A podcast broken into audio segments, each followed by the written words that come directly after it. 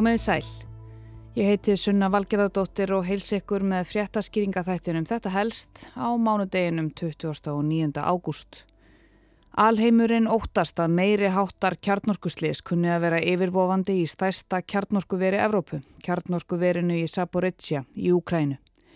Rúsnast herlið hefur verið með það á valdi sínu síðan í mars en skæðir bardagar hafa staðið yfir allt umhverfista vikum saman.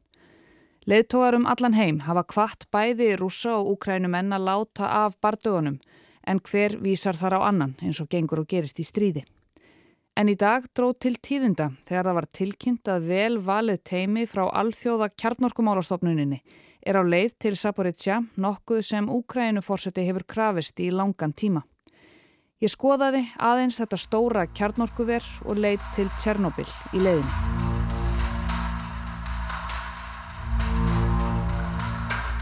Saporizia er yðnaðarborg í suð-austur Úkrænu, staðsett við bakka Dníper árinar. Ríflega 700.000 manns búa í borginni sem er hvað þekktust fyrir mikinn yðnað. Tjeð kjarnorkuver sem er það stæsta í Evrópu, hitaveitustöð og Dníper raforkuverið. Þetta er einn mikilvægasta yðnaðarborg Úkrænu, ekki síst vegna kjarnorkuversins sem er með þeim tíu stærstu í heimi.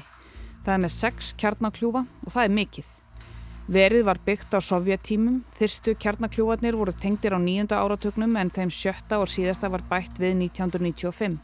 Saman þá framleiða þeir næri helmingin af öllu rafmagni Úkrænu sem kemur frá kjarnorku og meira en 15 af heldar rafmagni landsins. Uppsett afl í Saporizia kjarnorkuverinu eru um 5700 megavött af rafmagni, til samanburðar er afl Káranhjúkavirkjunar, stærstu virkunar landsins, 690 megavött. Þann 4. mars síðastliðin náðu rússar kjarnorkuverinu í Saporizia á sitt vald. Orustanum verið hefur verið kölluð The Battle of Enerhodar, Enerhodar orustan. Nokkrum dögum síðar kom tilkynning frá rússum að verinu væri stjórnað af rúsneska fyrirtækinu Rosatom.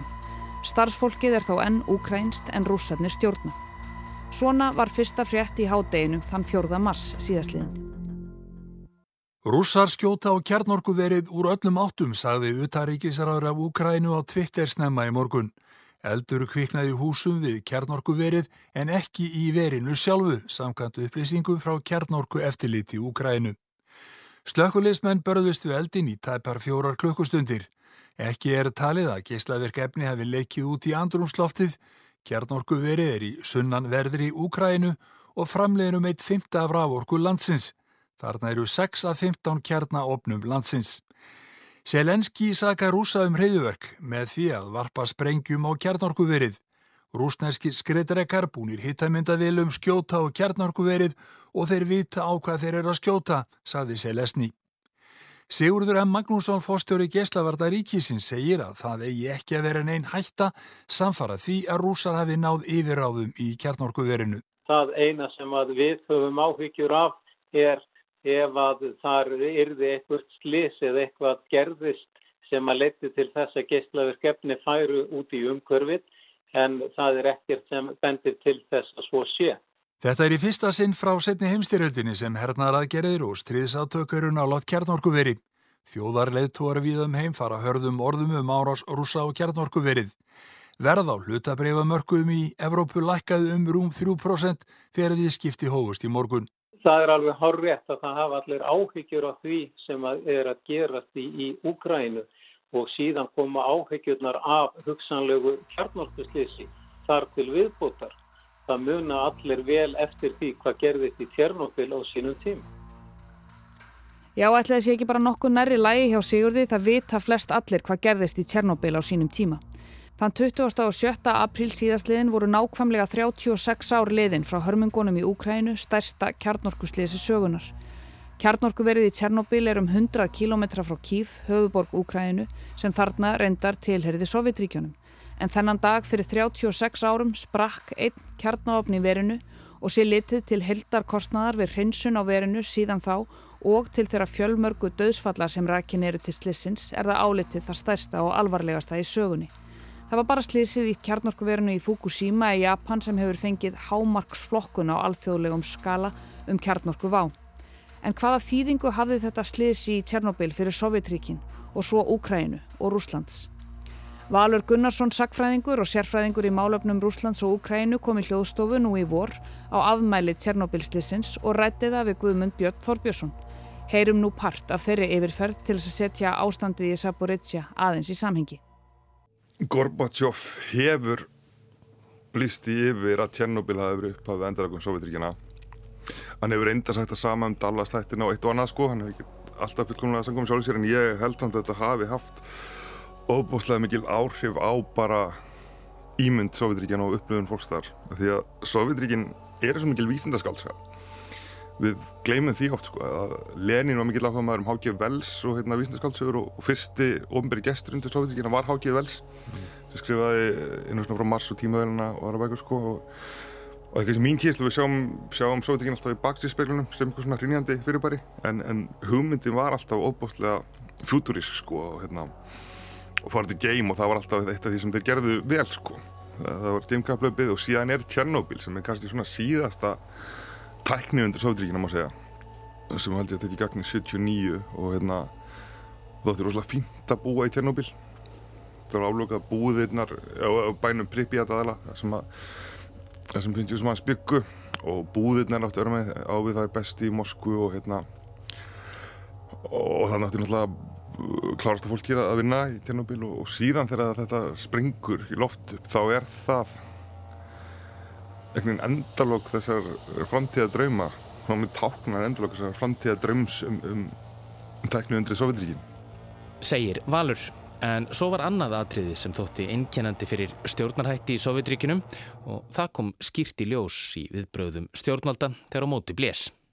Annað er þessi stemning sem að menn grýpa til þarna og gert oft síðan og það er bara strax að byrja að ljúa en það, þú veist auðvitað komast allir að því að eitthvað hefur gerst en það fyrst er þetta fyrst einhverju mælum í, hérna, í Svíþjóð að það kemst upp um, um slísið og, og yfirvöld í Moskva heldur áfram að ljúa dögum saman sem hann alltaf gerði þau alveg hrægilega alþjóðlega en, en gerði það líka verkum að fólk í Sovjetíkinum sjálfum fór líklega enn meir en áður að missa endala trúna á yfirvöld og þetta hafði dæmis áhrif á, á sjálfstæðisbartu úkrænumanna sem að, hérna, fór svolítið þarna meira á stað og hérna, því menn gæti Mosku umslýsið og, og yfirvöld þar vildi alveg ekki bara vanhæf heldur óheðarlega líka.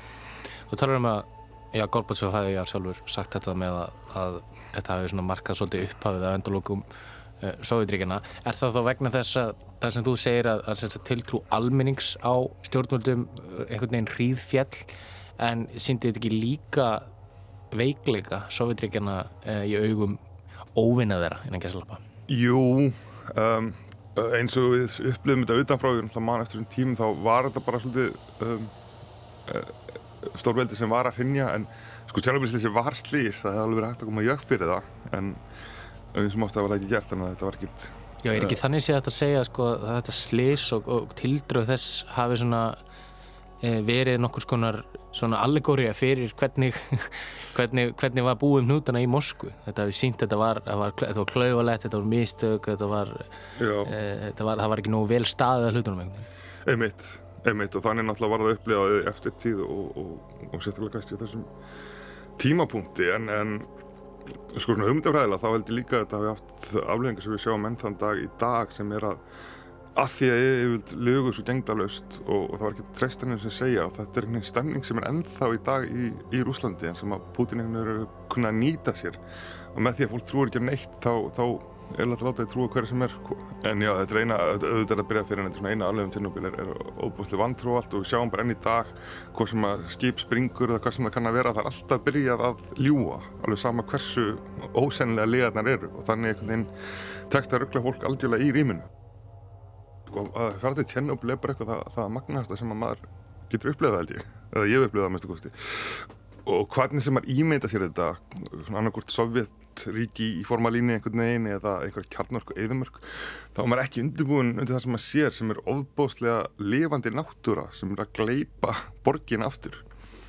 Og ofbóstlega hrausleg dýra því þrátt fyrir í geyslaverkni þá dapnaðu betur og svona stóri hyrstir eh, dapnaðu betur án þess að mannestjan komi að nafa því þetta er náttúrulega bara stórt svæði uh, það sem að engar manneskjur nánast eru sko. Og maður finnur bara hvað hvað þessu hratt samt soviskar uh, betungblokkir hverfa á hversu fljótt hérna, um uh, sko, leifar mannkins og, og bygging okkar geta horfið sko.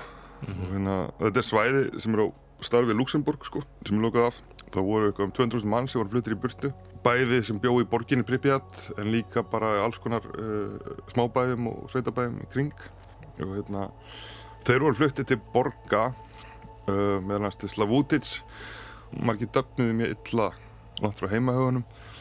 Og ekki síst vegna þess að, að við vorum jafnvel litil hotnega sko sem hérna, einhvers konar bara gíslaverk frík sko. Hérna, brandar á borðið hvað er sjöfnum sjö uh, íbúið tjernabli geta talið á fingrumannarhandar og eitthvað svona. Og, hérna, og sem til að eldra fólki hvað er að snúa aftur á, á bansvæðið og hefur búið þar allan einhvern 200 manns og fær að vera óáreitt frá yfirvöldum og það er komið ljósað að það dapna betur þar og lifir faktisk lengur þar heldur en að gera þetta á flutti borgarna ég er bara þó að heilbríðskröfu sé kannski ekki alveg fullkomnar en, en fólk er samt líður hérna betur á heimaðum og bara rækta sínar rófur og, og karteblur Sagði Valur Gunnarsson um Tjernobyl en aftur til Saporizia Flestum sérfræðingum ber saman um að það myndi þýða katastrófu af áður óþægtum mælikvarða ef slis verður í verinu. Það er svo stórt, miklu, miklu starra en Tjernobyl kjarnorkuverið. Í Saporizia myndi þýða annað Fukushima, jafnvel verra. Fyrir um hálfum mánuði síðan kom aðverðin frá Erdogan Tyrklandsforsetta vegna bardagana við kjarnorkuverið. Antonio Guterres, aðarframkvæmdastjóri saminuðu þjóðana, kom þá til Úkrænu til að hitta Erdogan og Selenski. Allir lístu yfir miklum áhyggjum af bardögum enda afleiðingar af slesi nánast ólýsanlegar. Alþjóða kjarnorkumálastofnunin hafði sömu leiði spiðla til rúsa og ukrænumanna að hætta að berjast við verið. Um miðja síðustu viku, 25. ágúst, saði Volodymyr Selenski, fórseti Úkrænu, að nömlega hafi tekist að koma í veg fyrir kjarnorkuslesi í verinu þegar það var aftengt rafveitu vegna skemta á raflínum. Stjórnvöldi í Úkrænu segja að rússar hafi verið að verki. Rússar hafa komið í svo fyrir að úkrænumenn og fólkum alla Evrópu er einu skrefi frá hörmungum kjarnorkuslis, sagði Selenski í kvöld ávarpi sínu þennan dag. Hann sagði einnig að vara rafstöðvar hafi til allrar hamingju strax farið í gang. Rafmagn er meðal annars notað til þess að kæla tvo opna af sex sem eru í notkund til þess að halda öryggiskerfum í verinu gangandi. Ef ekki hefði verið kveikt á þeim og ef starfsfólk kjarnorkuversins hefði ekki bröðist við strax eftir rafmagsleysið þá hefðum við þurft að bregðast við með afleiðingum kjarnorkuslis, saði Selenski. Selenski hefur áfram ítrekkað mikilvægi þess að alþjóðlegir sérfræðingar verði kallaðir að verinu til þess að kanna ástand þess og að rúsneskum hersveitum sem hafa það á valdi sínu verði gert að yfirgefa svæðið. Með því að tengja kjarnorku verið rafveitukerfinu að nýju hafi ukrainskum sérfræðingum tekist að koma í veg fyrir að allt færi á versta veg. Stríðandi fylkingar hafa sakað hvor aðra um að bera ábyrð á sprengju árásum við verið Evrópusambandið ætlar að halda neyðarfund vegna þeirrar orkukreppu sem stríðið í Úkrænu hefur skapað. Orkuverð hefur rókið upp úr öllu valdi í ríkjum sambandsins eftir að ákveðið var að draga úr orkukaupum af rúsum. Og nú í dag, 29. ágúst, bárust fregnir af því að Rafael Mariano Grossi, yfirmaður alþjóða kjarnorkumálastofnunarinnar, sé á leið til Saporizia kjarnorkuversins í Úkrænu á samt eftirleitsteimi. Hann greindi frá þessu í morgun og sagði hópin komast til versins síðar í vikunni. Stopnuninn byrti mynd af hópnum á Twitter síðu sinni en hún er nokkuð skondin ef maður er á þeim buksunum. Þetta eru 13 karlar og ein kona, karlarnir í stuttermaskýrtum en konan í langarma, öll í sér saumuðum vestum með derhúfum mertum stopnuninni. Nefna sá fremsti, Mariano Grossi, hann er án derhúfu. Þau standa öll í hóp, narrest með hendur fyrir fram að líkama, tilbúin að takast á við þetta verkefni að bjarga heiminum. Upp er runnin sá dagur að stopnuninn er á leið í björgunarleiðangur til Saporizia. Við verðum að tryggja öryggi stærsta kjarnorkuvers Úkrænu og Evrópu. Ég er stoltur að leiða þennan hóp sem verður komin til Saporizia, hashtag ZNPP, síðar í vikunni, skrifar Rafael Mariano Grossi á Twitter með myndinni. Saminuðu þjóðurnar krefjast þess að öllum vopnaviðskiptum linni næri verinu. Úkrænska kjarnorkumálastofnun lísti því yfir á laugardag að hætta væri á eldsóða í verinu og að geyslavirk efni getur lekið út í andrumsloftið. Volodymyr Selenski og Vladimir Putin hafa báðir tekið í sama streng þegar hafa kallað eftir því að öryggi versins verði rannsakað. Hvor sakar hinnum að byrja ábyrð á sprengju árásum umhverfis verið en það er ekkert skrítið að Putin takju undir áhyggjur Selenskis því geyslavirknin myndi ekki síður hafa áhrif á Rúsland ef til sliss kæmi. Ég ætla að ljúka þessari umfjöllunum Saporizia verið með sjálfhverfu spurningunni hvað myndu kjarnorkusliðis þarna þýða fyrir okkur á Íslandi? Sigurður Magnússon, forstjóri Geislavarna ríkisins, svara því til að Ísland sé svo langt í burtu frá Úkrænu og hann sjáu ekki fyrir sér að það þurfu að grípa til neittna sérstakra ráðstafana hér. Og við það má bæta að við sjáum ekki þörf á því miða við þær aðstæður sem nú eru að fólk sé að hamstra jóðtöflur til að eiga. Nú er bara að býða og sjá hvaða niðurstöðu vel verstaða eftirlitsteimið frá Alþjóða kjarnorkumálastofnunni kemst að og hvort við getum öll andað rólegar. Takk fyrir að leggja við hlustir og við heyrumst aftur á morgun.